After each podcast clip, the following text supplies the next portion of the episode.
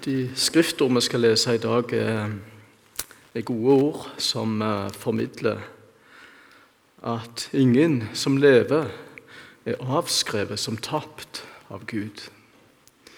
Så lenge hjertet slår, så, så vil han nå det hjertet med, med et godt budskap, uh, med barmhjertighet og tilgivelse og en innbydelse til å få sitte til bords i Guds rike. Og jeg håper vi i dag skal få, få gripe dette. Guds rike kommer nær. Og, og uh, vil ha meg med. For sånn sammenfatter Markus Jesu første evangelium, eller Jesu første forkynnelse. Tiden er kommet, Guds rike er nær, men om. Tro på evangeliet. Og Lukas han sier det sånn Jesus drog omkring og forkynte evangeliet om Guds rike. Og I synagogen i Nasaret leste Jesus fra Jesaja 61, der han som Gud har salva, sier Gud har sendt meg for å forkynne et gledesbudskap for fattige, for fanger, de som sitter fast i noe, for å komme med frigjørelse og legedom. Teksten er fra Lukas 15, 1-10. Tollerne og synderne holdt seg nær til Jesus og hørte på ham. Men fariseerne og de skriftlærde murra og sa seg imellom denne mannen tar imot syndere og er i lag med de. Da fortalte han dem denne likninga. Om en av dykk har hundre sauer og misser én, Let han ikke da de 99 være att ute i marka og går av stad og leiter etter den bortkomne sauen til han finner han? Og når han har funnet han, blir han glad og tar han på akslene sine. Straks han kommer hjem, kaller han sammen venner og granner og sier til dem, gled dere med meg. Jeg har funnet igjen den sauen som var bortkommen. Jeg sier dere på samme måte er det større glede i himmelen over en synder som vender om enn over 99 rettferdige som ikke trenger omvending. Eller om ei kvinne har ti sølvpenger og mister én, kveiker hun ikke da ljos og soper hele huset og leter vel til hun finner han. Og når hun har funnet han, kaller hun sammen venner og grannekoner og sier, 'Gled dere med meg, jeg har funnet igjen pengene jeg hadde mist.' På samme måte, sier jeg dere, blir det glede mellom Guds engler over én synder som vender om. Det, det, er et fint syn som, som blir tegnet for, opp for oss her. Tollere og syndere holder seg nær til Jesus for å høre ham. Eh, og det, det, vi, vi lengter jo etter det, eh, vi òg, i vår tid, at det skal skje igjen at folk av alle samfunnslag og alle slags yrkesgrupper skal få komme til Jesus og få del i Guds rike. Det er stadig bønn som lever i oss, det. Og, og, og, vi bærer den i våre hjerter. Og, og at ei sånn tid skulle komme der, der mennesker får, får kjenne sånn som disse, at de får ei besøkelsestid av Gud. og kjenner seg velkomne og, og ser en mulighet og griper den. Ja, må vi aldri slutte å be om det. For sånn som vi opplever det nå, så er det vel ikke helt sånn. Eh, vår tid er vel mer preget av at, at, slike mennesker som står om her, at eh, de heller eh, ja, De ser ikke noe behov for å omvende seg og høre på Jesus. Ser ut til å ta Guds rike og Guds nåde for gitt. Men det blir ikke sånn hvis vi holder oss nær til Jesus og hører på ham. Dette med tollerne og synderne det hadde allerede begynt med døyebaren Johannes. Lukas skriver i kapittel 3 at det, mange, det kom mange tollere og soldater som til Johannes som lot seg døype. De ga Gud rett, skriver han, og så lot de seg døype. Ehm, Sånn heter det om en sann omvendelse. Du gir Gud rett. Det gjør du. Dette var, var nok jødiske soldater til, til, han som styrte som lydkonge under Rom i, i eh, Galilea og områdene sørøst for Jordan. Herodes Antipas heter han, en av sønnene til Herodes den store. Broren hans Arkelaus styrte noen år som lydkonge i Judea og Samaria, men etter mange klager på han om brutalitet, så ble han avsatt, og Rom utnevnte stattholdere eller landsfyrster til å styre i Judea og Samaria. Så Derfor var det nok soldatene til Herodes Antipas. De ble vakt, de òg, ved Johannes' forkynnelse. De ville omvende seg og la seg døype. Og det tenkes nok med, med Herodes Antipas i ryggen, så hadde det vel hendt at de under dekke av tjenester for kongen hadde rekvirert tjenester og eiendeler til seg sjøl. Det var nok ikke mange som tok sjansen på å ikke adlyde en soldat i kongens tjeneste. Så var det òg andre yrkesgrupper som, som, hadde et dårlig navn i samfunnet og, lett ble satt i kategorien med syndere. Vi kjenner til sauegjeterne. Ja, hadde de nå latt sauene sine bare beite på sine egne beitemarker, mon tro om de ikke òg av og til hadde latt de gå og beite på andre sine. Og ull, kjøtt og melk som de solgte. ble mistenkt at noe av det av og til kom fra andre sine dyr. Gjeternes troverdighet var så lav at de kunne ikke bli kalt inn som vitner i rettssaker. Kunne ikke stole på en gjeter. Leger hadde rykte for å ta betalt for diagnoser, behandling og medisiner som bare var ren humbug. For å tjene penger. Og Slaktere ble mistenkt for å operere med falske vekter og, og ikke å være ærlige hvordan, hvordan de hadde slakta dyr, om det var i henhold til Moseloven. Sånn var det mange som ble, lett ble kategorisert, plassert sammen med tollere og syndere. De, de, tenkte det, det er mennesker på en måte som, som sitter for fast og for dypt i det, og, og liksom aldri kan bli omvendt på rett vis. Sånn får vi inntrykk av at fariseerne og de skriftlærde tenkte. Både når vi leser i Nytestamentet og i de skriftlærde sine egne skrifter. De trodde at disse menneskene aldri ville klare å rive seg løs fra sitt liv og omvende seg og føre et rettskaffent liv. Og Derfor så fikk de vel aldri heller høre en oppriktig og inderlig forkynnelse til omvendelse.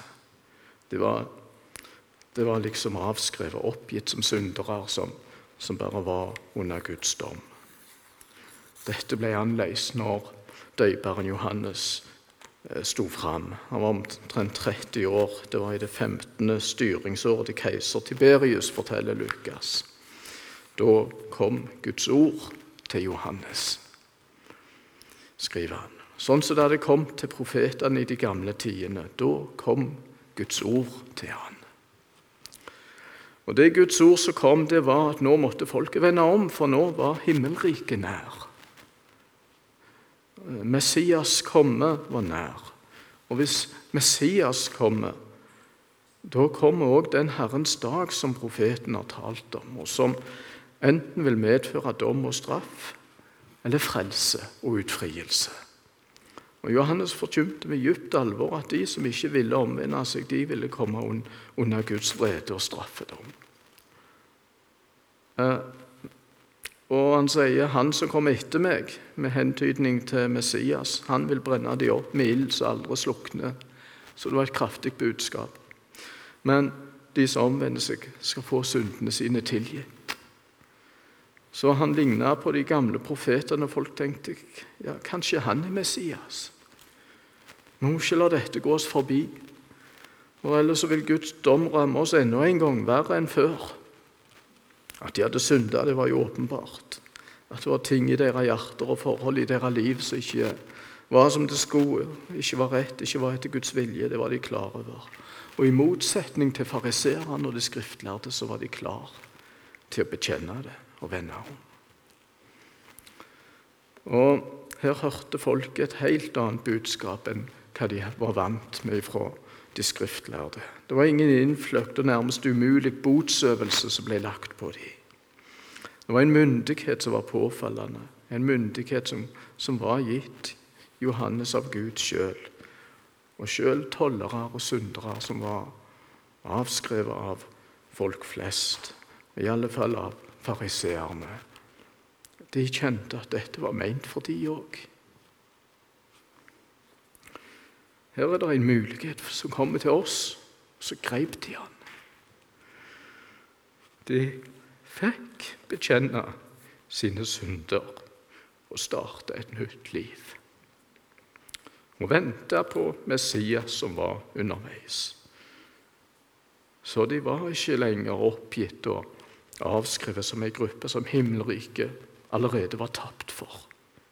Nei, himmelriket var nær, og det ville komme på en måte som ville bli til frelse for de òg. Selv om de aldri ville klare å rydde opp i livet sine helt og, og bli som fariseerne. Så ser vi i dag at det samme skjedde i, i, i møte med Jesus. Tollerne og synderne holdt seg nær til ham. Frelseren var kommet til de, til de utstøtte, de avviste, de oppgitte. Og mange av de fikk ved Guds nåde gripe muligheten. Og det var i tråd med det som profetene hadde forkynt om Messias. Og Lukas siterer fra uh, Jesaja 40.: Alle mennesker skal få se Guds frelse. Og, og det skal ropes til dem at de av Herrens hånd har fått tilgivelse for alle sine synder så er det sårt å lese da at fariseerne og de skriftlærde de, de ble aldri en del av dette. De sto på utsida og murra over det de så. Mm. I møte med fariseerne sa Jesus at det var mange tollere og skjøger som, som angra og, og, og, trodde på Johannes. Men dere, sa han, dere angra ikke, sånn at dere trodde. Hva var det med dem? De drog riktignok ut døperen Johannes, de òg, i begynnelsen. De tenkte vel at bevegelsen rundt Johannes kunne bli noe rett og noe godt. Så de snakka i lag om det og sa kanskje til hverandre la oss gå med òg og la oss døpe. For eh, ja, er ikke sånn som de andre. Vi har ikke så mye å bekjenne som de, de andre som kommer der, men la oss nå gå med òg. Ikke skjønner så for å oppmuntre de som virkelig er syndere, til å omvende seg. Men bak lå tanken vi er ganske mye bedre enn de, vi, er, da. Vi er på et helt annet nivå enn folk flest. Og så oppdaga og avslørte Johannes dette. Han merka det med en gang og reagerte voldsomt. Bær da frukt som svarer til omvendelsen, ropte han til dem. Så dette hovmot og stoltheten, det, det, det, står i rak motsetning til frukten av en sann omvendelse. Og Det var deres eh, tragedie, og så mangla de. De ydmyka seg ikke. De angra ikke. De, de så, så, det ikke som noe problem, det som var under overflata. Og det kosta vel for mye for de å innrømme at de ikke var så rettferdige som, som, eh, ja, som de gjerne ga, utga seg for å være, eller som folk trodde, og som folk ja, de, de lot jo folk tro det om de at de var. De var sikkert sånne som Gud tenkte, kalte for rettferdige. Så de kom ikke overens med, Jesus, med, med Johannes og ble stående utenfor uten å være en del av den nye bevegelsen. Besøkelsestida greip de ikke. På samme måten så ser vi her i dag at de ble Jesus sine fiender. Kalka graver, sa Jesus til dem en gang. Dere dekker dere til av ytre gjerninger og bønner som folk skal se, men innvendig er dere ikke et hår bedre enn de andre. Hyklere er hva dere er. Voldsomt sterke ord han brukte. Bær frukt som svarer til omvendelsen. Hva, hva, hva, er det, da? Hva er omvendelsens frukt? Det var noen rabbier eller skriftlærde som lærte sånn at ja, det er rett omvendt det er du hvis, hvis du, eh, du møter fristelsen, og så, og så seirer du. Du. Du har kommet så langt, du har oppnådd det at eh, du er sterk nok til å møte enhver fristelse, og du går tilbake fra han, og du er skyldfri. Da, da er det som angeren din den stiger opp til Guds trone, lærte noen. Voldsomme greier. Ja, verken Johannes eller Jesus anerkjente en sånn fromhet eller rettferdighet som sann. Slanger og ormyngel kalte de de. Både Johannes og Jesus. Og I det uttrykket ligger vel at de rett og slett var åndelige barn av den vonde slangen som frista Adam og Eva i Edens hage. Det er fælt å lese Jesu ord til dem i Johannes 8, og dere er djevelen til far, sier han.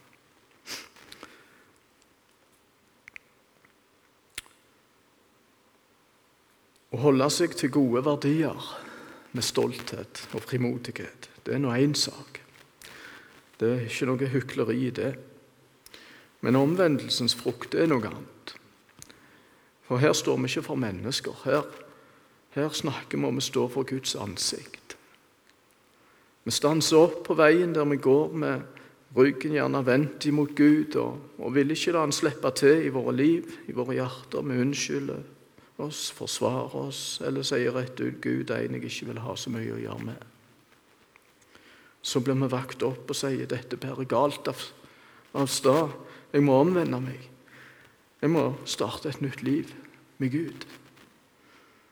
Eller vi kan være tilsynelatende gode kristne mennesker, og vi har blitt som fariseerne og ser ikke, eller, eller prøver å dekke til sannheten om hva som egentlig bor i oss ser ikke på det som noe problem, som synd, for tilsynelatende gjør vi ikke så mye galt imot våre medmennesker.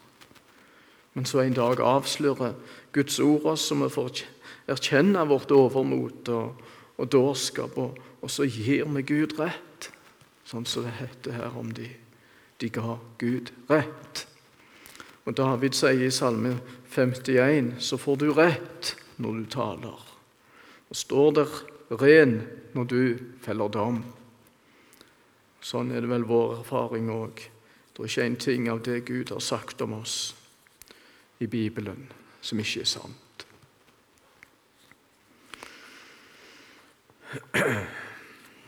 Så får vi høre forkynnelsen da om å vende om. Ta det til hjertet. Og vi kjenner det ligger en sterk, klar, avslørende sannhet bak det, som ikke slipper unna men òg en godhet, og en kjærlighet og en barmhjertighet maner mulighet for forsoning og tilgivelse. Så får vi mot til å vende om.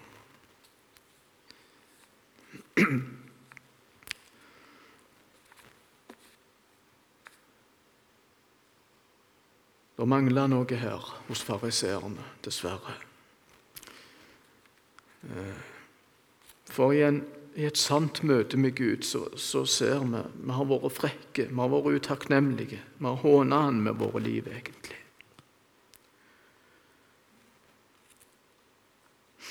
Og det eneste som står tilbake for oss, det er ikke å, å prøve å få til noe som skal høste ros hos Gud, men det er dette Gud, vær meg synder nådig. Det er nok omvendelsens frukt. At det eneste som du har å rose deg av, det er Hans nåde, det du fikk av Han. Måten Han møtte deg på. At Han lot deg få lov å holde seg nær til deg, og du fikk høre Hans ord om frelse. Og Da blir ingenting mer malplassert enn, enn å henlede oppmerksomhet på egne ord og følelser og opplevelser eller gjerninger, som om det skulle finne formildende omstendigheter, at Gud på grunn av det skulle vise oss nåde. Nei, nei. Når vi står overfor Han, så blir det å ville høste ros av vårt eie, selv av det beste i oss, det blir en hån imot. Det blir en hyklerisk krenkelse av den sanne og fullkomne renhet som finnes i Gud, og som gjorde at Gud sjøl egentlig aldri kunne gjøre det som Jesus her gjorde, og bare ha nært fellesskap med oss. Han måtte sende sin sønn som en mellommann og som en forsoner.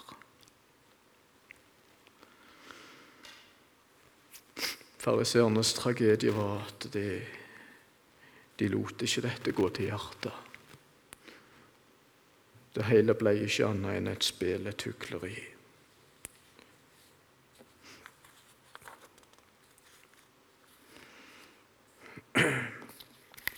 De prøvde å skyve dommen over på Jesus. Han sitter i lag med syndere.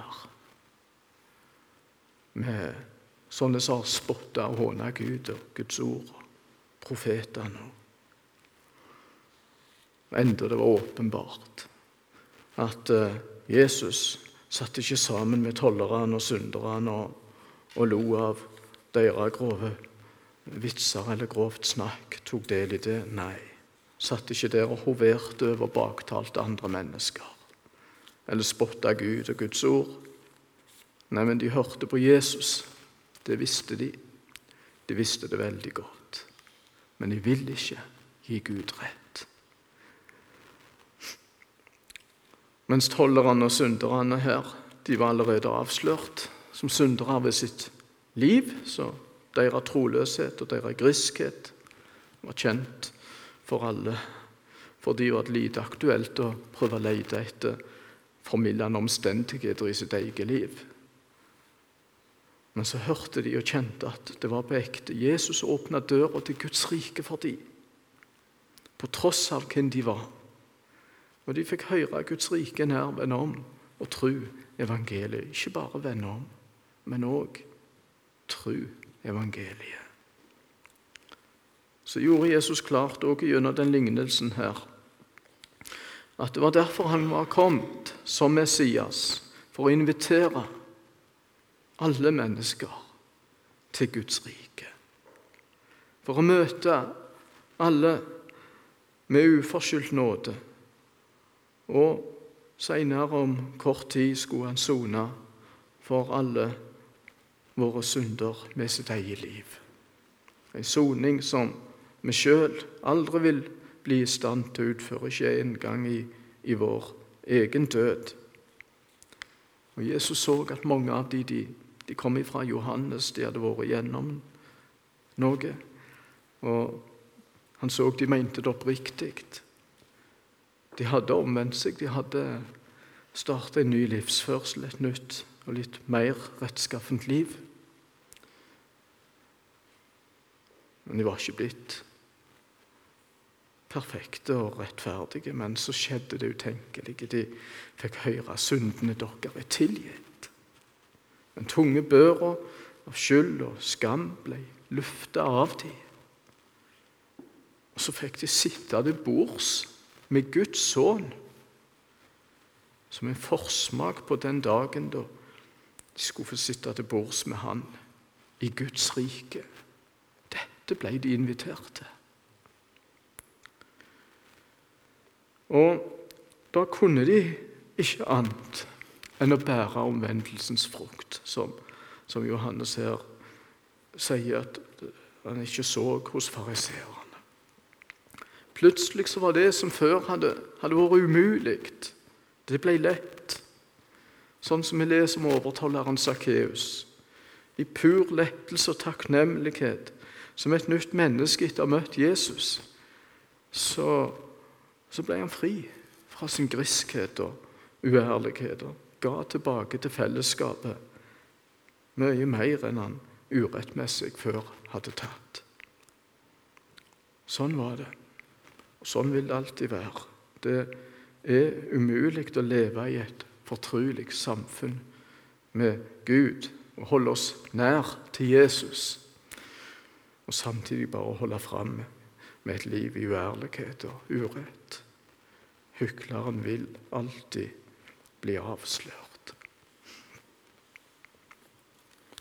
Og Likevel var det aldri sånn at vi ved omvendelsen og egen rettferdighet kunne eller skulle gjøre oss fortjent til syndenes forlatelse.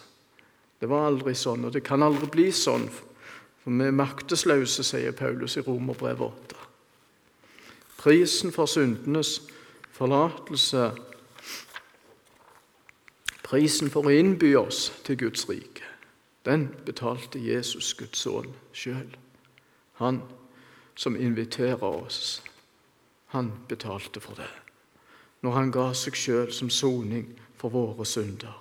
Og så gis den oss av pur nåde og godhet, av kjærlighet. I dag får jeg og du høre det og lese det. Han leter etter hver en som, som har kommet bort fra ham. Og vi vet òg sannsynligvis veldig godt at overfor Gud, overfor Jesus, så, så har jeg ingenting å rose meg av. Men vi får si i Jesu navn, vær meg synder nådig.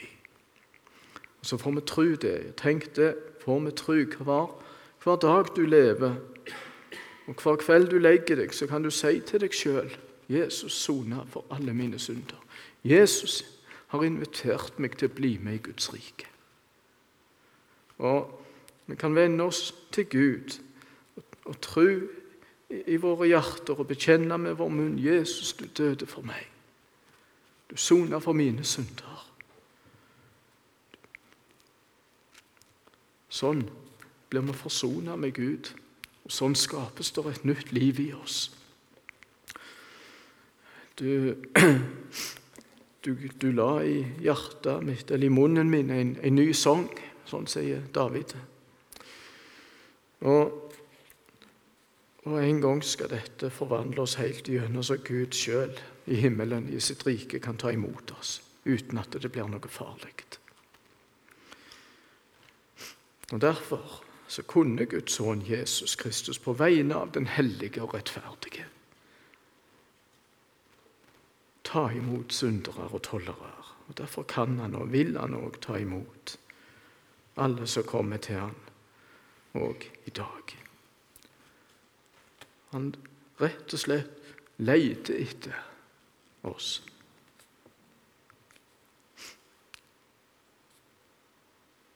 Så Jesus har ikke oppgitt noen. Han har ikke avskrevet noen. Han sier sjøl her at han er kommet for å oppsøke hvert eneste bortkomne og fortapte menneske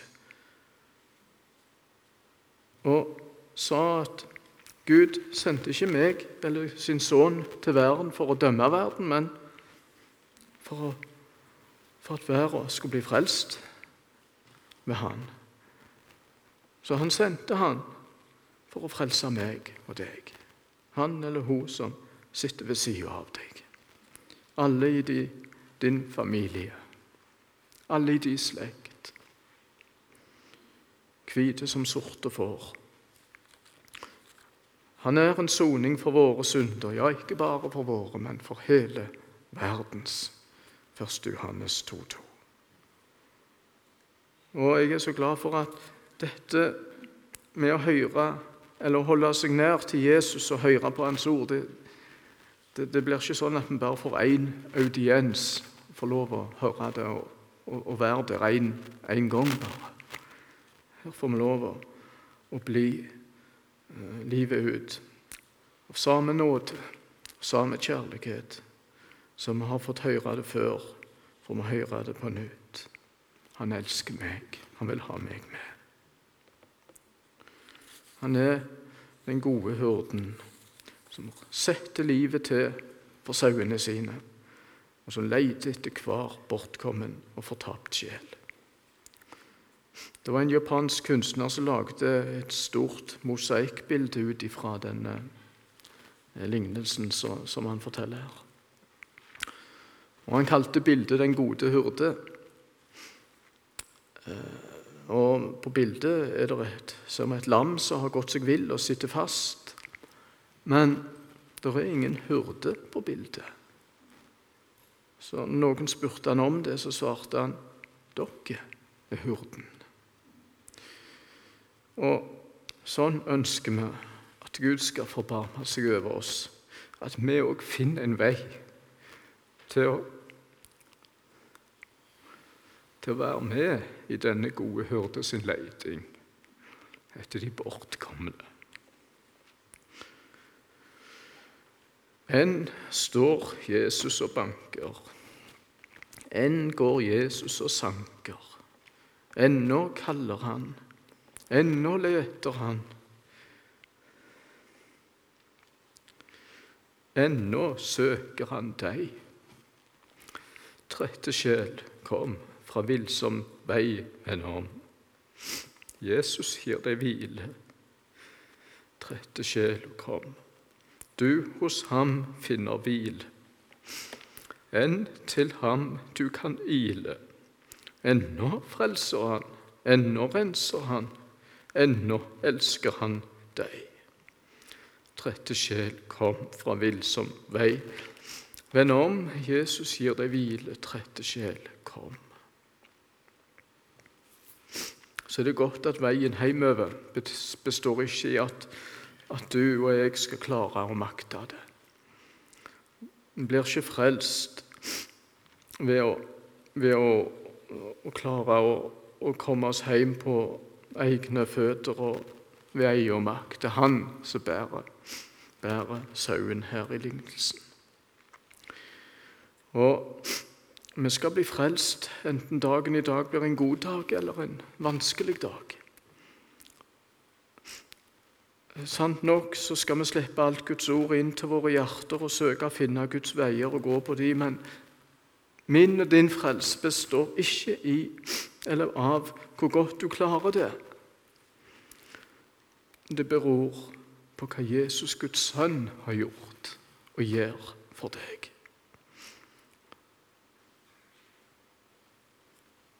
Han bærer meg, han gleder seg over å ha funnet meg og bliver synden mektig i meg igjen. Det hender det. Så flyr jeg straks til nådestolen hen, for har jeg daglig synd og lønnlig brøst, så gjelder blodet enn, det er min trøst. Sånn blir det mulig òg for tollere og syndere å bli frelst. Så får jeg lov å elske Han og følge Han til det evige liv i Hans rike. Spurgeon igjen tale som jeg leste nå i sommer, han forteller om dette, hvor, hvor, hvor elskelig Jesus er, sa han. Hans karakter, den han er, det han, det han har gjort, og dette, at han elsker oss, og ikke minst døde for oss. Og så utbryter han midt i talen.